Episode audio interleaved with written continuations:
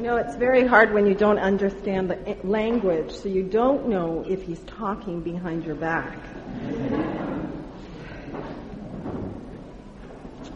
Except I know he's not.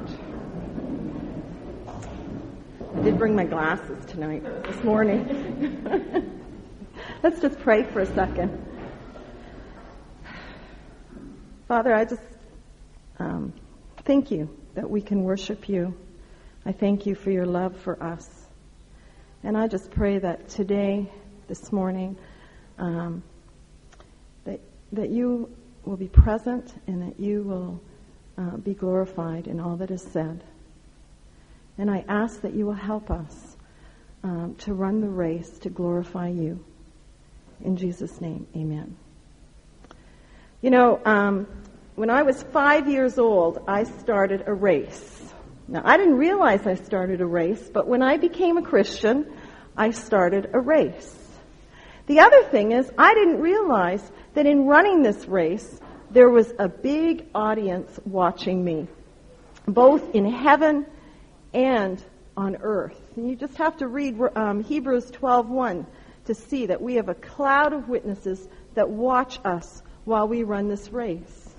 Now, I don't know if you've noticed, but um, in the 44 years that I've been alive, I've watched and noticed that the world is, is a mess, you know? Um, and God has a big job in front of him to straighten up that mess.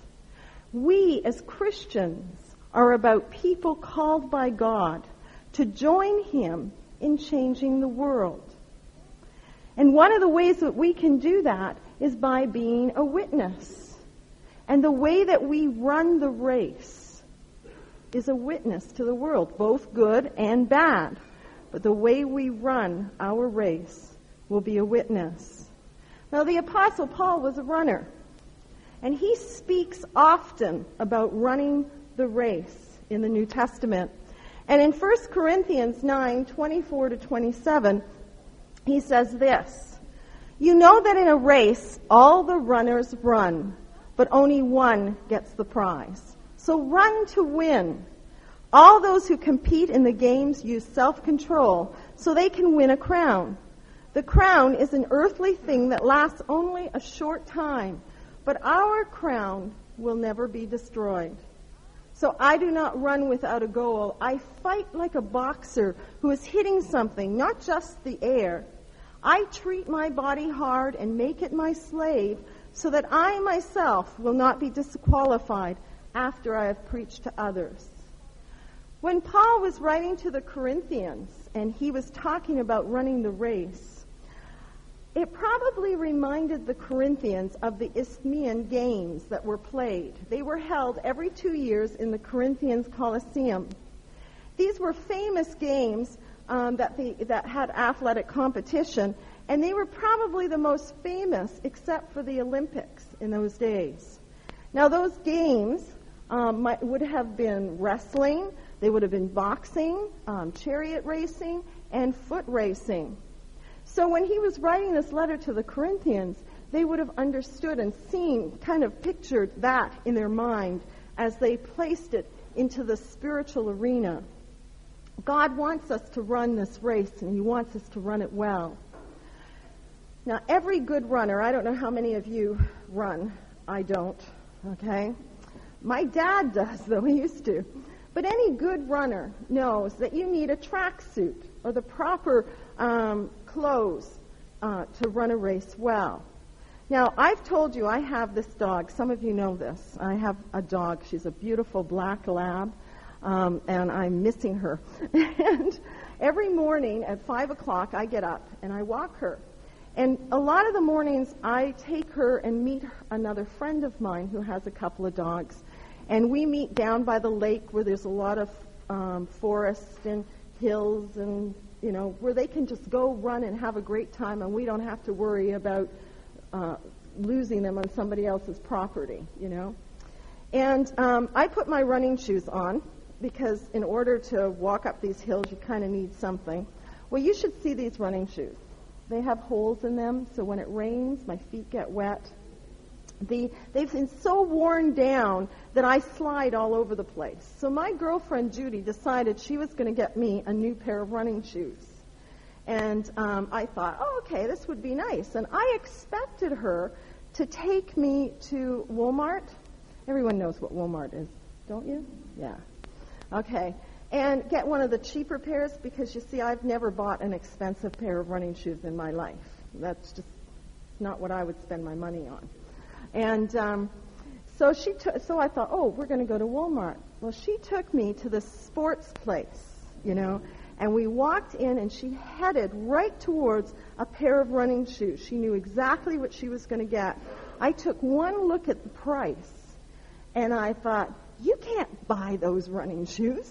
You know, they are just three times more than I would ever spend, you know. And she said, no, this is the pair that I had decided I wanted to buy for you because they're a good pair. And when you walk in them, you will walk a lot better and you won't slide and you won't fall. And in fact, it will be good for you because I have arthritis. She said it will help you in, in, in not being in so much pain. See, you need good, and it really does work, these shoes. They're much better than what I would buy.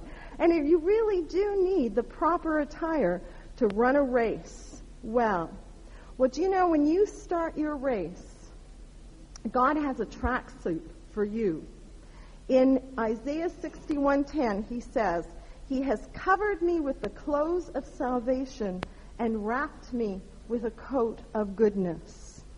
We start our race by the clothes of salvation, and we can now get going in the race. But you know, studies have shown that then where there has been revivals and people have gone up the aisle and given their heart to the Lord, that they never make it. Studies have shown that people who have committed their life to this race usually drop out. The reason a lot of people drop out of the race is because they don't understand something. They don't understand that it is a tough race. You know, people, if you're expecting to be given a fair shake in your life, you might as well forget it. Because life is tough. Um, you're going to get sick. Your body's going to break down. Um, you're going to have a lot of illness in your life. And let me tell you, ladies, it doesn't matter how much cream you put on your face, you will have wrinkles. Trust me. You know? And gray hair, it does come. You know, your body's going to wear out. And, you know, some of you are going to be hurt by other people's mistakes. I hurt people by my mistakes. You will hurt people by yours. And we are affected by other people's mistakes. Some of them unintentional, and some of them because they wanted to hurt us. Some of you have been abused. But I'll tell you, you can get through those tough times and you can run the race well if you first understand it is tough to be a runner. Any good runner knows there is no gain without pain. You know, the struggles that you're going through or will go through, you know, don't discard them. Listen to God. You know, God is with you. He is the same God that went through with Jesus on the cross and was through, went through with him on, through his suffering. You know, and that same God, in fact, you know, when you think about it, Jesus, God's Son, is the only one that really knows what it means to be abandoned by God. He is the only one that really knows what it means to be totally lo- alone and have no one, not even his father, not even the creator of this universe next to him. And he died on the cross so that when you would go through tough times, he would know that you would not be alone. Because God has promised that he will never leave you nor forsake you. You know? And you know, so in these tough times, and probably I would think that God is even closer when we are in more of a crisis than ever. I don't know about you, but I have found when it's really going good for me, I, I know God's around, but I don't really, He's kind of out there because I'm too busy doing things because they're so good, you know. But when things get really rough, that's usually when I feel and know His presence is even closer to me. See, God is making tough people. Now, you need to hear this. That is not hard people. God does not want His people, His runners, to be hard in the heart. But He does want you to be tough. He does not shield you from life. We live in a broken world, a messed up world, you know, and there is no way we are not going to be affected by the choices people make. You can see that in the war that's going on. You know, what has just happened in the last little while, there have been many innocent people both in the United States and Afghanistan, that are being hurt because of people's choices. And it's not their fault, you know? God doesn't shield us from those things. And that's why we too need to learn to make good choices. You know, how we run this race uh, will be dependent on how we understand God in our lives, you know, and how we prepare our hearts and how we learn how to know Him and serve Him in this world. You know, Jesus died for us so that we will one day have eternal life in heaven without any sorrow or pain. Know, people ask me if I was scared about coming out here. You know, I don't know why people worry about flying. Heavens, you can walk across the road and get killed, you know. And where I sit, to me, I can't wait to get to heaven. I have enough pain. I want to go to heaven. so flying doesn't bother me because I just know that when my time is, it's going to be in God's will because He's sovereign, you know. So we need to understand that running a race is tough. But we also need to prepare our body. And how we do that is through training. We train our body. Paul says in this passage, 1 Corinthians 9:27, I treat my body hard and make it my slave so that I myself will not be disqualified after I have preached to others. Now, some of the things in training um, that we're to do, many people don't do it, and that's why they don't make the finish line in the race. And here are four of those things. The first, people, you've got to study your Bible. You've got to study the Word of God. Now, if you're anything like me and you hear that, because I've heard it most of my life, the first thing I want to say is, I know, I know, but the Bible is so boring. I mean, let's say, let, let's say it. Sometimes I don't know about you, but sometimes I have found that the Bible is very boring and it's hard to read it. Well, you know what I've learned? I've learned that the Bible is boring. I've, I've heard that from a lot of my friends who are not Christians, and they say, I've tried to read the Bible, but it's boring. The fact of the matter, it is boring if you do not know the author. If you don't know Jesus, the Bible is very boring. If you've ever read a book and you knew the author that wrote that book, usually you find that book interesting and exciting because you know the person who has written this book.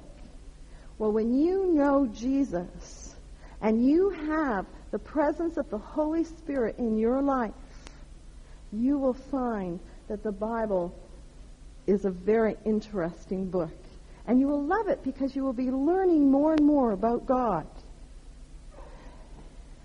I know there are a lot of Christians or a lot of people in church, okay, that know about God, but they don't know God as their personal Savior. Now, you know, as I've observed in churches, I think there are many people who may, are Christians. I'm not, I'm not talking about people who may not be Christians, but I'm talking about their, I, as I watch people people are very knowledgeable about God, but they don't know what it's like to be in an intimate relationship with Him, where they are sharing secrets with Him and they are hearing Him whisper in their ear and they are finding that they have such a hunger to know more about Him that they go and they enjoy the Word of God. That's what I'm talking about. Knowing God as your intimate friend. Knowing God as the author of the Word of God.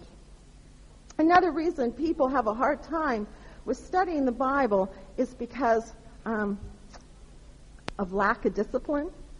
That's me. Oh.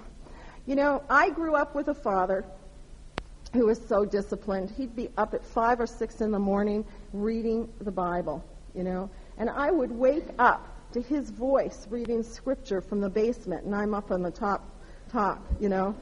Talk about growing up feeling guilty because you just don't have that kind of discipline, you know. Um, and I tried. Oh, I would try. I would wake up in the morning and I would try to read the Bible, but you know, as a teenager, I really wanted to sleep. You know, and so I thought, okay, I'll try it at nighttime, just before I'm going to bed. But once I was in bed, I really wanted to sleep. you know, and throughout the middle of the day, well, I was just too busy doing things. And the truth of the matter is, even as an adult, I still struggle with discipline in my life. Now, I've learned to enjoy 5 o'clock in the morning, and so I've learned that in the morning time, for me, it is a great time to have coffee and just in the quietness when everybody else is, is resting to spend that time um, with the Lord. But I have to admit, it's still hard for me to stop and to do it, you know. And then I find I need to learn how to be creative in studying the Bible. I'm just not always um, so good at just picking up the Bible and reading it. Sometimes I, I have to bring other books into it or, or learn other ways to find my time to study the Word of God. One of the things that I discovered um, really helped was um, reading different translations.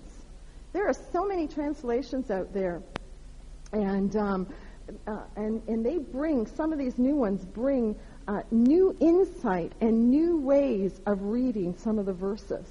It's amazing to me um, how you can read a, a, translation that's different than the King James, and, and a verse opens up even more. So every year I would buy a new translation to, to read um, the Word of God. But another reason people um, have a hard time studying the Bible is because they don't know how to study it. You know, we tend to start in Genesis and read through the whole thing, and of course, Leviticus and Deuteronomy can be um, a little rough and a little boring. Um, let me encourage you to start with the book of Mark. And let me encourage you to read that book 20 times. Read it inside and out until you almost know it by heart. I would much rather have you know Mark and read Mark um, than the whole Bible superficially. And I'll tell you, I would like you to know that book so well that when somebody comes up to you and says, uh, What do you think about material wealth? You can quote chapter 10 of Mark and talk about the young ruler and what God said to him, what Jesus talked to him about material wealth. Read Mark 20 times. You know, Bible scholars say that among the early Christians, John Mark served as the director of religious education. Paul would win them to Jesus. Barnabas would pastor them, but it was John Mark that had the privilege of teaching them. And they were required to memorize Mark. The book of Mark was written to provide a basis to help them know Jesus deep in their hearts. When you've finished reading Mark, let me suggest that you read James. It is one of the most practical books in the New Testament. Man, it will tell you everything you need to know. It'll talk to you about gossiping. It'll talk to you about how to spend your money. It, will talk to you about practical things. The Bible is a very practical book, and I would suggest that you read James. You got to study your Bible in order to run this race well. You got to know God intimately in order to run this race well. The next thing that is a real good practical training tool is prayer. Now, people don't really pray very well. I've noticed that when we pray, we tend to just have a whole list of things we want God to do for us. I mean, even non Christians like to pray that way. You know, they just want God. They go to Him when they need something. You know? And the fact of the matter is, we too often treat prayer as a, presenting a non-negotiable demands to the Almighty. The fact is that the Bible tells us that God already knows all our needs. I mean, He is God. He knows who you are and where you are at and, and the hurts in your life and what you need. So you ask me, okay, then why even pray if God knows everything? You know? Well, I'll tell you why you need to pray. You need to ask Jesus, not to inform him, but what the theologians would say to you that you need to ask in order to have a relationship of dependency on Jesus. You see, you have to move yourself into a situation where you know you are dependent on Jesus. Now, if you've been into counseling or any of those things, you're going to hear over and over it's not good to be in dependent relationships, all right? You have to be interdependent in order to be healthy. Well, let me tell you, the one relationship that you are allowed to be totally dependent on is with Jesus, to be totally dependent on Him. You know, some people will, this, they'll say, you know, that's why I want, don't want anything to do with Christianity because it's only for weak people. You know, Christianity is a crutch for weak people. They're absolutely right. You know, the fact of the matter is, the sad thing is that people don't realize how weak they are. And that each one of us in this world is weak. I'm a weak person, and I am so grateful, so grateful that I know that. You know, people, every one of us needs to lean on someone. And I am so thankful that God says, lean on me, and that I can lean on him. I am so thankful to God that he takes the weak people of this world and uses them. You know, I'm not here in front of you because I have it all together or because I'm a strong person or anything. I have it here because God has given me the honor and the privilege. And He has taken someone who's weak and He has said, okay, I will use you you know? And I'm so grateful to God that I can lean on Him. I, prayer also needs to not only be a relationship of dependency and in asking Him um, things, but it also needs to be a time of intimacy. We need to be intimate with God as we pray. You know, we shouldn't hold Him back here and, um, you know, talk to Him as if he is this the governor or the king or you know how you very formally. You know abba father means daddy. He god wants to be our daddy. You know? Jesus wants us to talk to him with with intense love and intimacy. Now i learned a lot from my dad in this area with prayer because when he got up at five in the morning and after he finished reading i would hear him praying you know he would pray and I would hear him talking to God right up through all the um, the floors, you know. And sometimes I would listen to him and I would think, oh, I shouldn't be listening because I'm eavesdropping on a very intimate conversation. As he would pour his heart out, wouldn't matter.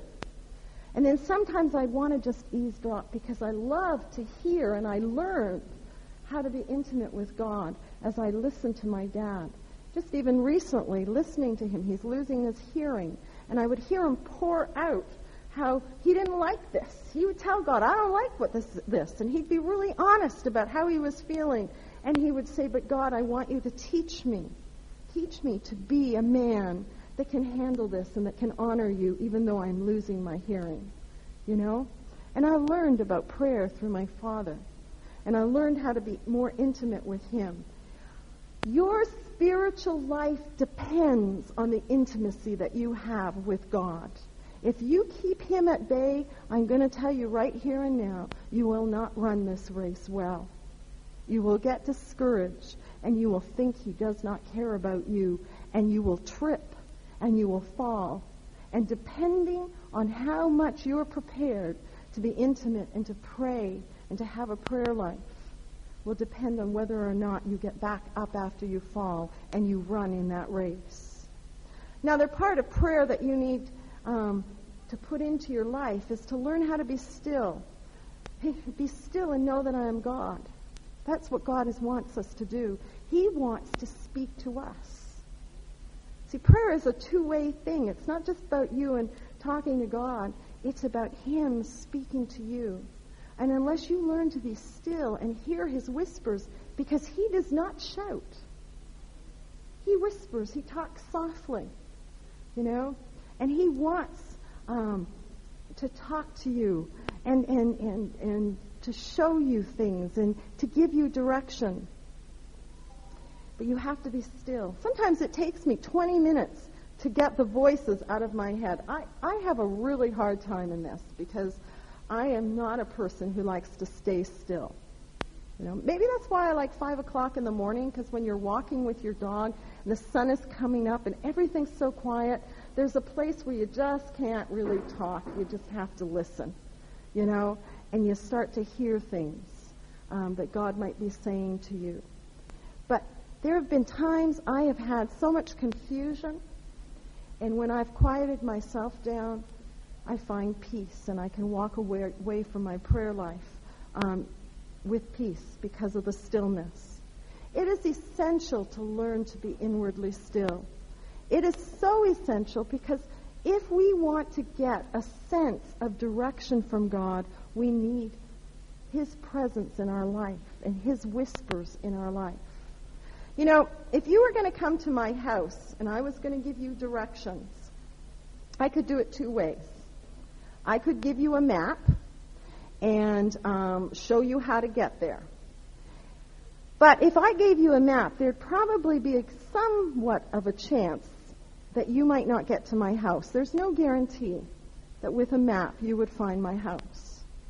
The other way I could show you how to get to my house is to get in the car with you and direct you, my, direct you myself to my place, and you would be guaranteed to get there. Well, you know, God does not want to give you a map. He wants to get right in the car and direct you. Now, he does not promise to give you a plan for your life. Okay? What he does promise is to come in, to be present in your life, and if you are sensitive to him and the leading of the Spirit, he will guide you every step of the way. I didn't know where I was going to be 15 years ago.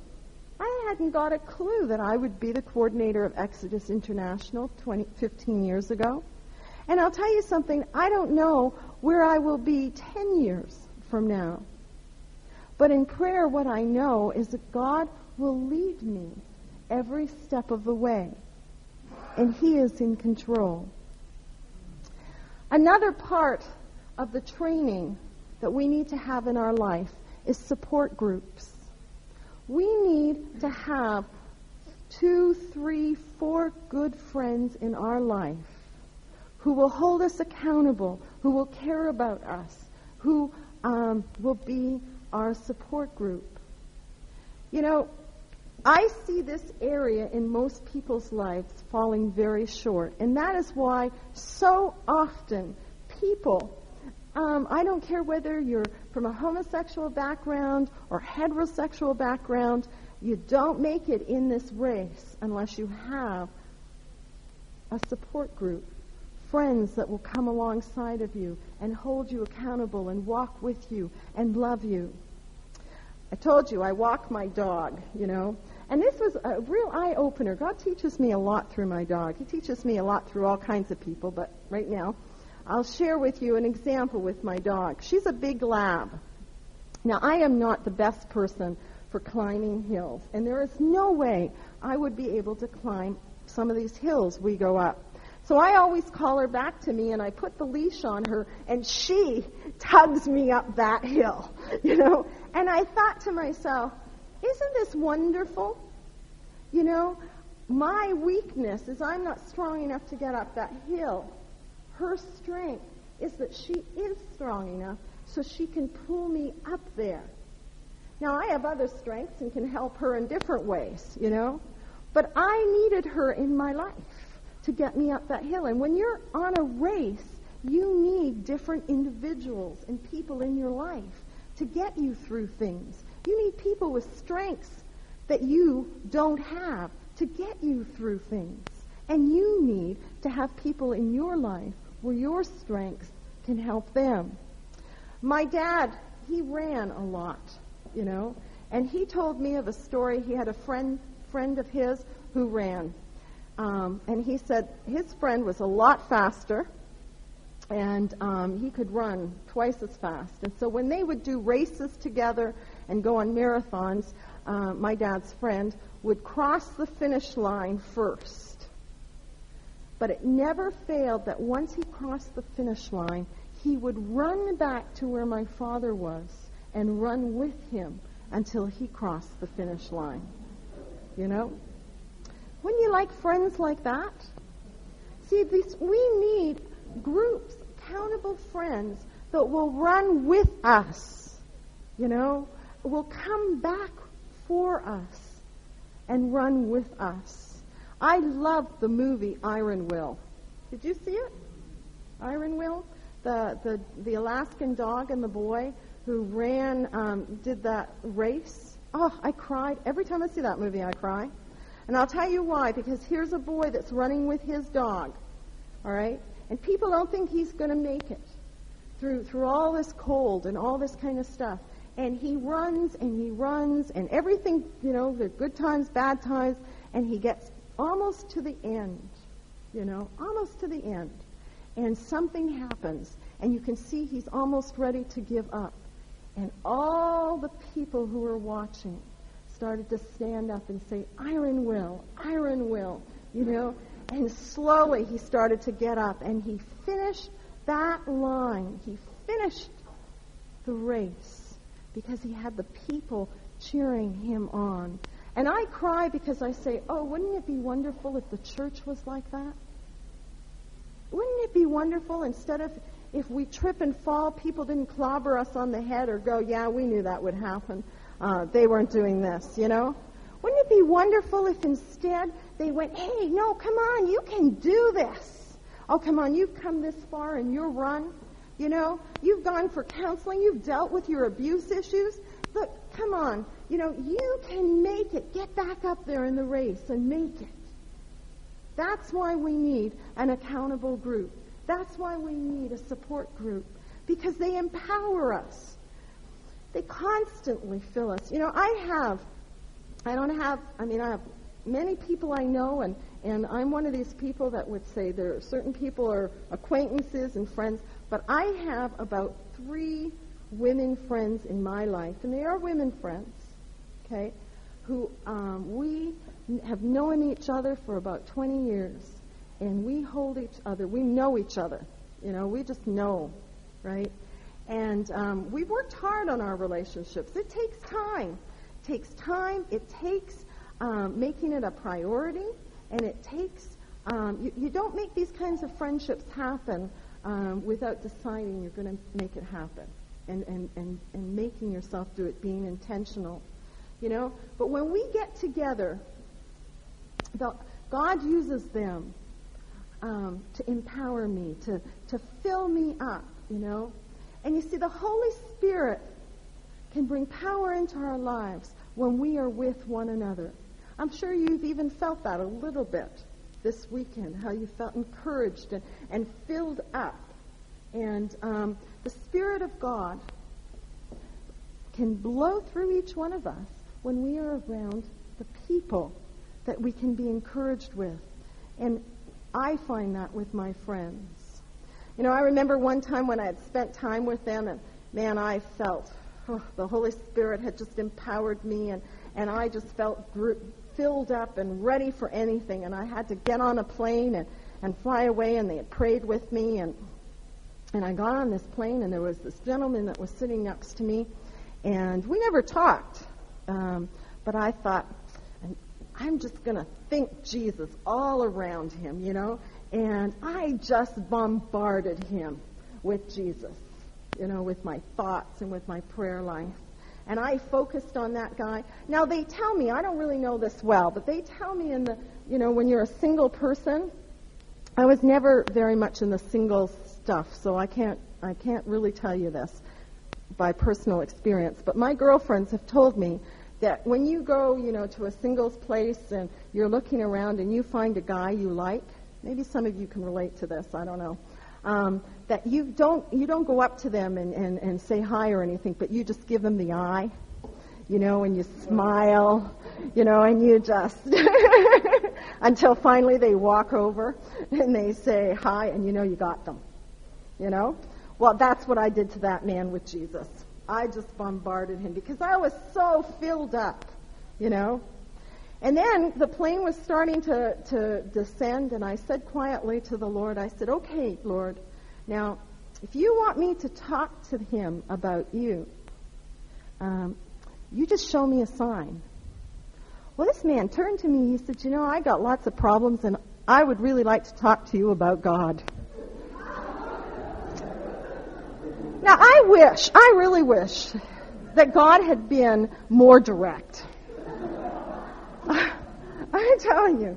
And we got to sit in the airport and talk about him, and in fact, I was able to lead him to the Lord, you know. Now, that's never happened to me before. and It's never happened again. But I'm telling you, we don't need techniques and words to share our witness and our faith. What we need is to be empowered by the Holy Spirit. And one of the ways of being empowered, and one of the ways that God wants to empower you, is through fellowship. Even Jesus had a group. He had Peter and James and John.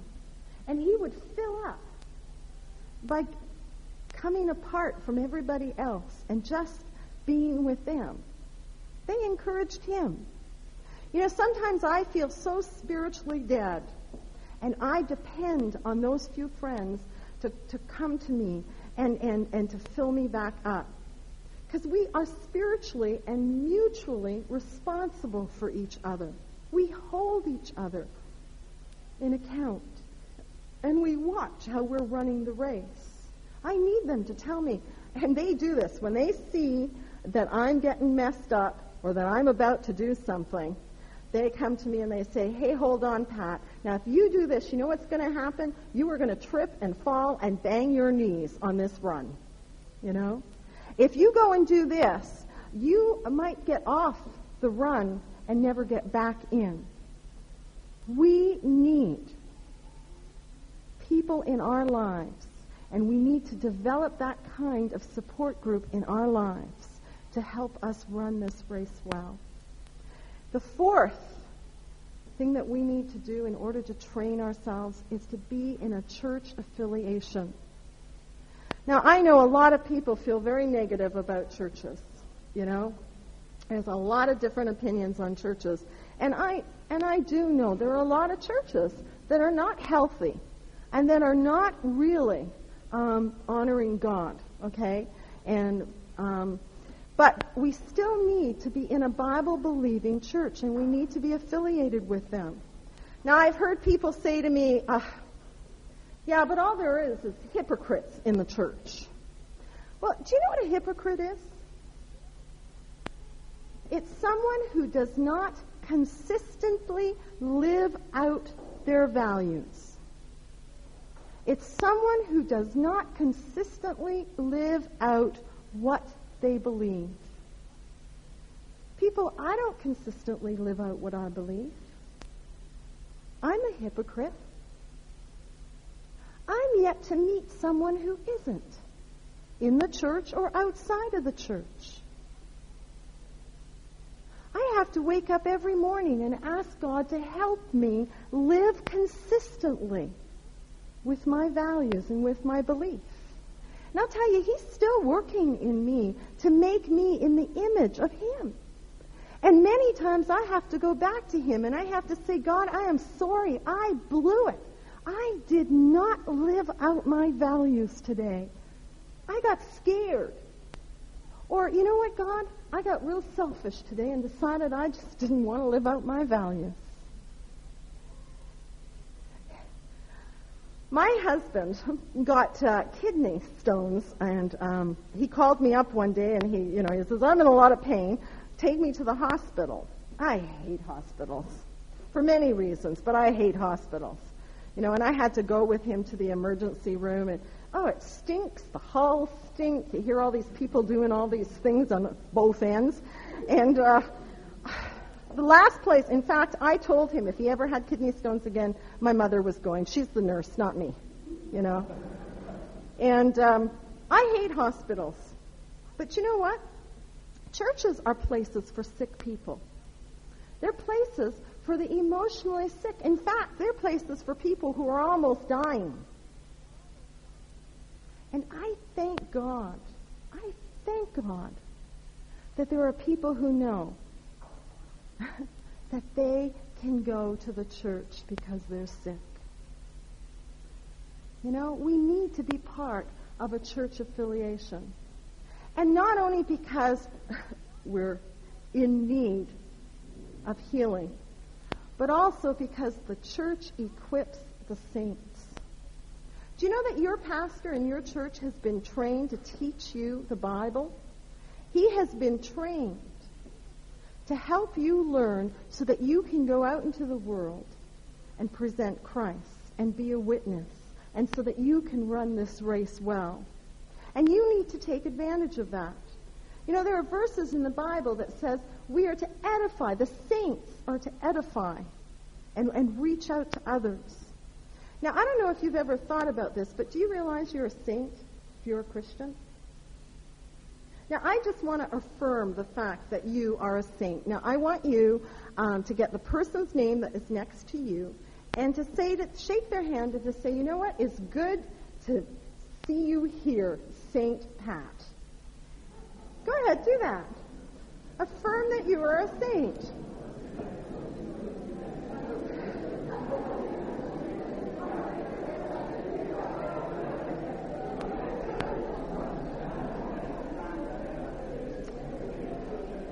Isn't wonderful? the scripture says that you are saints. It's not me that's saying it, the scripture says it. The scripture says that the job of the church is to build up the saints so that you can reach the world. The scripture says that the saints are to go into the world and that's you. You come to the church in order that the church builds you up, teaches you, so you can go into the world. You also are in the church to build the church up because the bottom line is you and I are the church and we need to be building each other up. Now, again, I'm going to emphasize that when you're looking for a church and becoming a church affiliated, um, you need to make sure that you are going to a church that is being true to the Bible. Even Jesus turned to the religious Pharisees and told them they were out to lunch when they were wrong. He got mad. He got really angry at people who were calling themselves um, Christians or, or religious people that knew what God wanted, and when they were teaching the wrong thing, he was angry.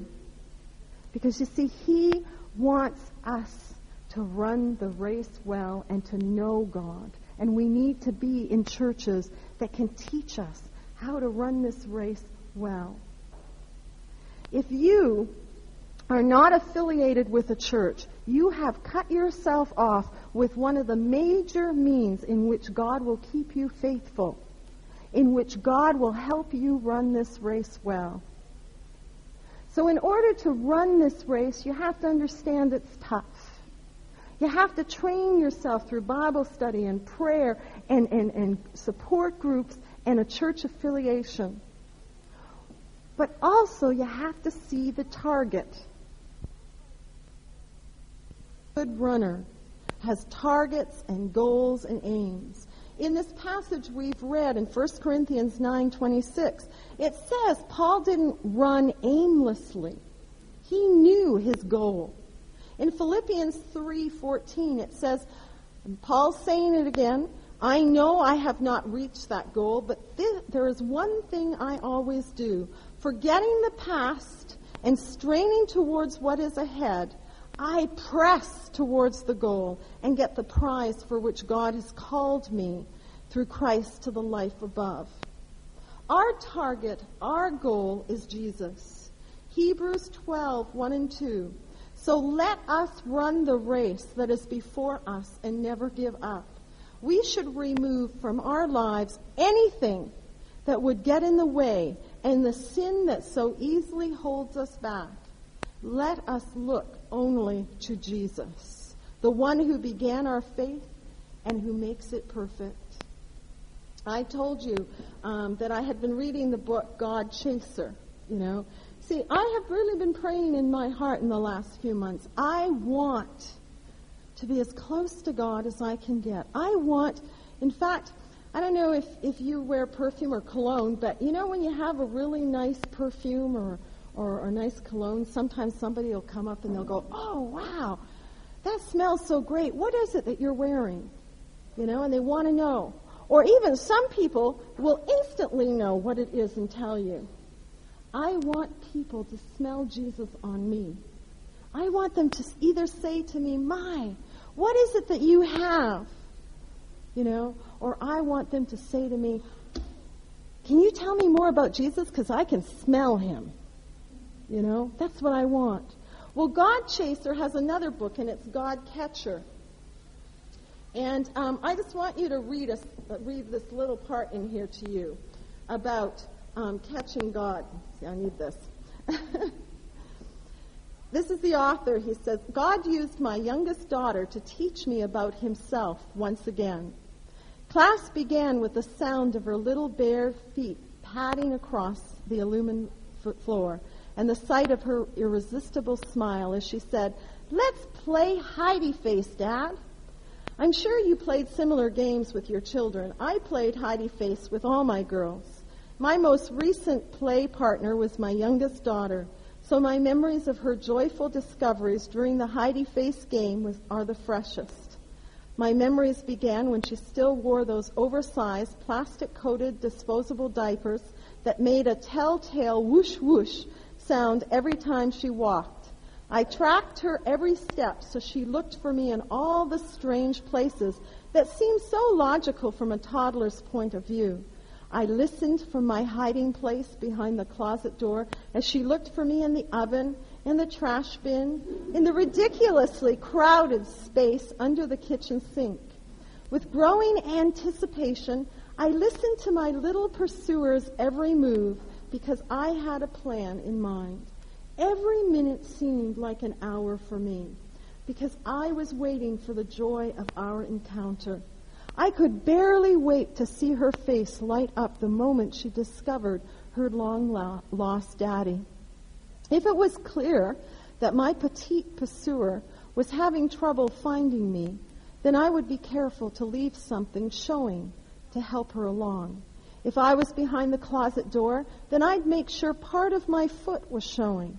If I took refuge behind the couch, then I'd make sure that just enough of my backside showed to help her find me. Why be so careful? It's simple. The point of our elaborate game of hidey face wasn't the hiding, it was the finding.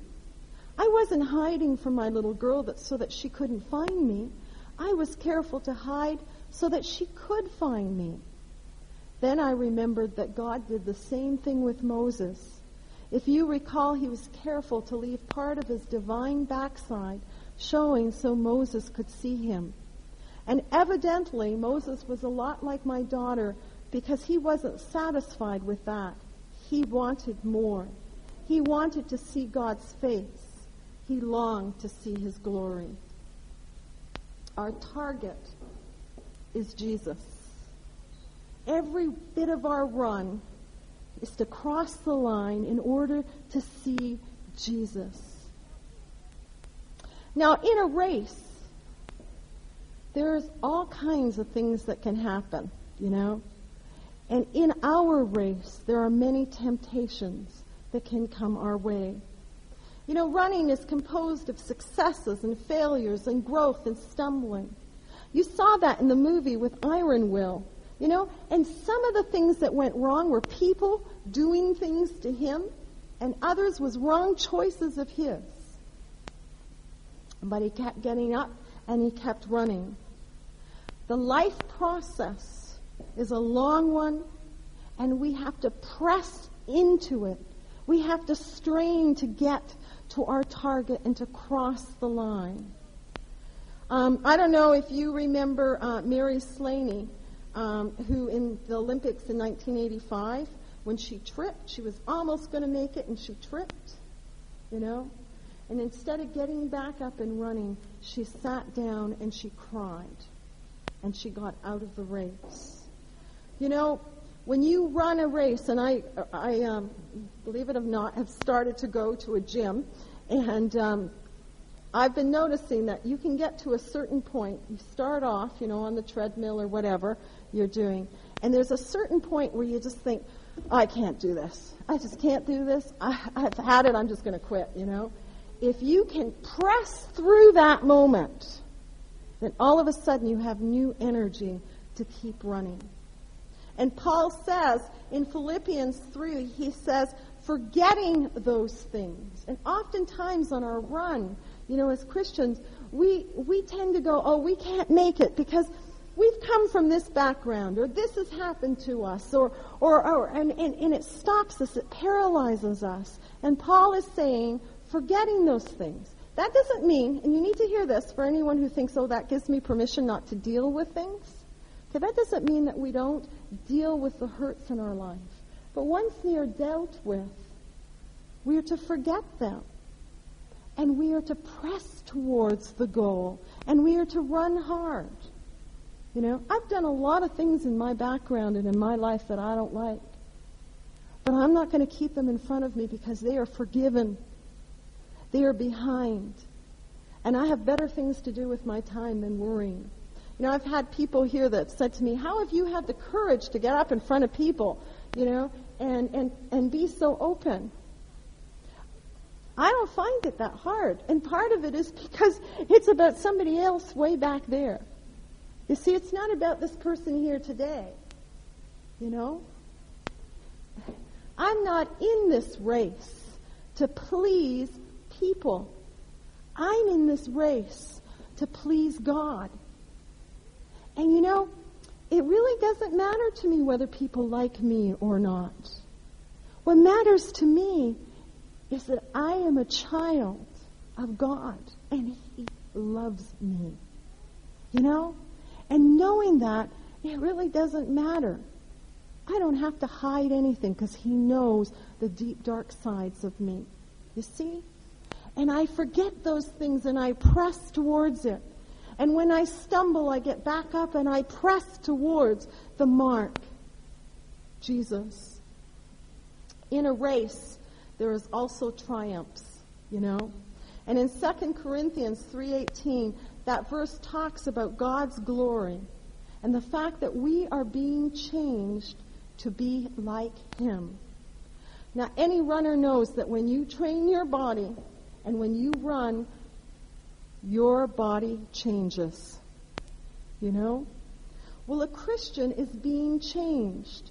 And those moments that we are in that strain and we are pressing through and we, we're going through so, some of those lumps, that's when our body starts to change as a Christian. You know? If you had known me uh, about 20 years ago, I, you would have seen I was a totally different person. I mean, I was such a hard person because I didn't want anybody in my life. I kept everybody at a bay. I could have knifed my mother in the back. I hadn't cried for 14 years. I didn't know what it was like to feel, you know? I did have purple hair. All right? Um, I was a very hard person, and in fact, when God started to work in my life and change me, people who knew me back there would say to me, Man, you've gotten 20 years younger. You know? It's because as a Christian, God changes us from the inside out. It's the inside He begins to work with us. and our life changes. And as we run that race, every hurdle that we have changes us a bit more into being more like Christ. And I um, love the verse in 2 Timothy 4 7 where, where Paul says, I want to cross the finish line. I have fought the good fight. I have finished the race. I have kept the faith. People, that's one of the reasons that I'm here with you. You see, I pray that prayer for you. You know, I pray that you will fight the good fight, that you will finish the race, that you will get up every time you stumble, and that you will get back into there until you cross the line and you can say with Paul, I have kept the faith. You know, the world needs us to run this race well because the world needs to be changed and we can do it. Do you know that there is enough potential in this room right now to significantly change your community, your country, the world? We can alter history by running this race well. We are part of helping to challenge and to make this world changed. You know? We can do it. It just starts with us. You know, I've heard people say to me, well, you don't understand, you know, like in our area, we are not open people. Well, you know, when I started off on my journey, people weren't open either. But what I decided was I was going to run this race regardless. And what I discovered was there are a lot of hungry people out there who want to see someone like you open up and talk, you know? There are a lot of hungry people out there who want to know, does Christianity really make a difference? I tell you, I don't want to be in this race if it doesn't. You know? It's got to count for something. Um, you, I've really enjoyed, you know, this time with you. Um, but I'll tell you something. I, I'm sorry to say this. I mean, and please, you're all wonderful people. But you sure are quiet. You know, it's really hard to, to, to see what's happening out there, you know? if you've ever spoken in a black church, there is such a difference. I mean, if you're not doing well and you are really bumming out, I mean, they will call down there, help, help that person, Jesus, help that person. You know? If you're doing a great job, um, they'll go, hallelujah, praise the Lord. You know? Or they'll go, keep going, keep going. You know? It's wonderful. it can be a little distracting, but but I once heard a story. I, it wasn't. I can't say I'm the one that preached this sermon, but there was a black church where the senior pastor got up and he preached a magnificent message, you know, and he did it with one line. It's Friday, but Sunday's a coming. And this is how he did it. It's Friday and my Jesus is dead. But Sundays are coming. It's Friday, and Mary is crying her eyes out. The disciples are running in every direction like sheep without a shepherd. But that was Friday. Sundays are coming. It's Friday. People are saying, as things have been, and so shall it be, you just can't change things in this world. But you know what? They don't know. It's only Friday. Sundays are coming. It's Friday, and people are saying homosexuals can't change. The sexually broken are doomed. The liars and the gossipers and war, all those things won't change. but you know what? It's Friday. Only Friday and Sundays are coming. It's Friday and people are saying, a bunch of people are meeting here in this building. but they can't change the world. but they don't know who we are. No, they don't know that all power is given unto us. They don't know we, who we are, that we are God's children. And they don't know it's only Friday. And Sundays are coming. Friday. And people are saying it's so evil. And Satan is going to rule everything forever and ever. But we know the Lord is coming back. We know we are going to triumph in history. We know only Friday, but Sundays are coming.